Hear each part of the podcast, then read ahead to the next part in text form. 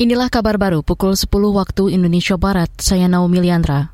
Vaksinasi COVID-19 dosis keempat atau booster kedua untuk tenaga kesehatan dimulai hari ini. Kementerian Kesehatan sudah menerbitkan edaran kepada semua dinas dan fasilitas kesehatan di daerah untuk memulai program ini.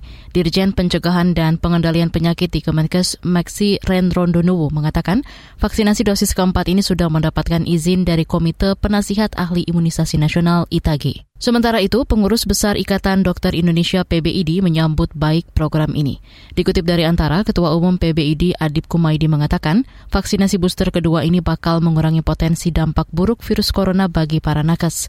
Apalagi makin banyak jumlah tenaga kesehatan yang terinfeksi COVID-19.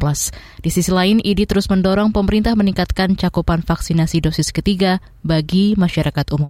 Kita ke soal pemilu. Komisi Pemilihan Umum KPU mengklaim persiapan pendaftaran partai politik berjalan baik tanpa kendala. Pendaftaran akan dibuka pada 1 hingga 14 Agustus mendatang.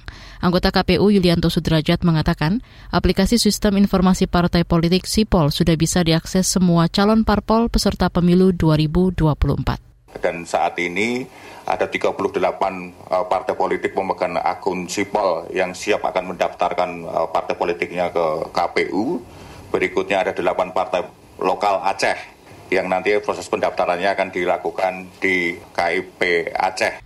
Anggota KPU Yulianto Sudrajat menambahkan, Sipol akan menjadi aplikasi berkelanjutan yang digunakan parpol untuk memperbarui data-datanya. Sehingga pada saat pemilu lima tahun mendatang tinggal dilakukan perbaikan data. Sejauh ini ada sekira enam parpol yang sudah mendaftar ke Sipol. Terakhir ke lantai bursa. Indeks harga saham gabungan IHSG dibuka menguat pada sesi perdagangan pagi ini. Saham naik 41 poin ke level 6.998.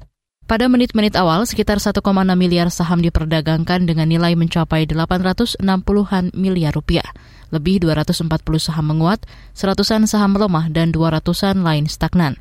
Kelompok 45 saham unggulan atau indeks LQ45 naik 9 poin ke posisi 989. Sementara itu dikutip dari Antara, rupiah juga dibuka menguat pagi ini. Nilai tukar kurs rupiah menguat 56 poin ke posisi 14.866 rupiah per dolar Amerika. Demikian kabar baru KBR, saya Naomi Liandra.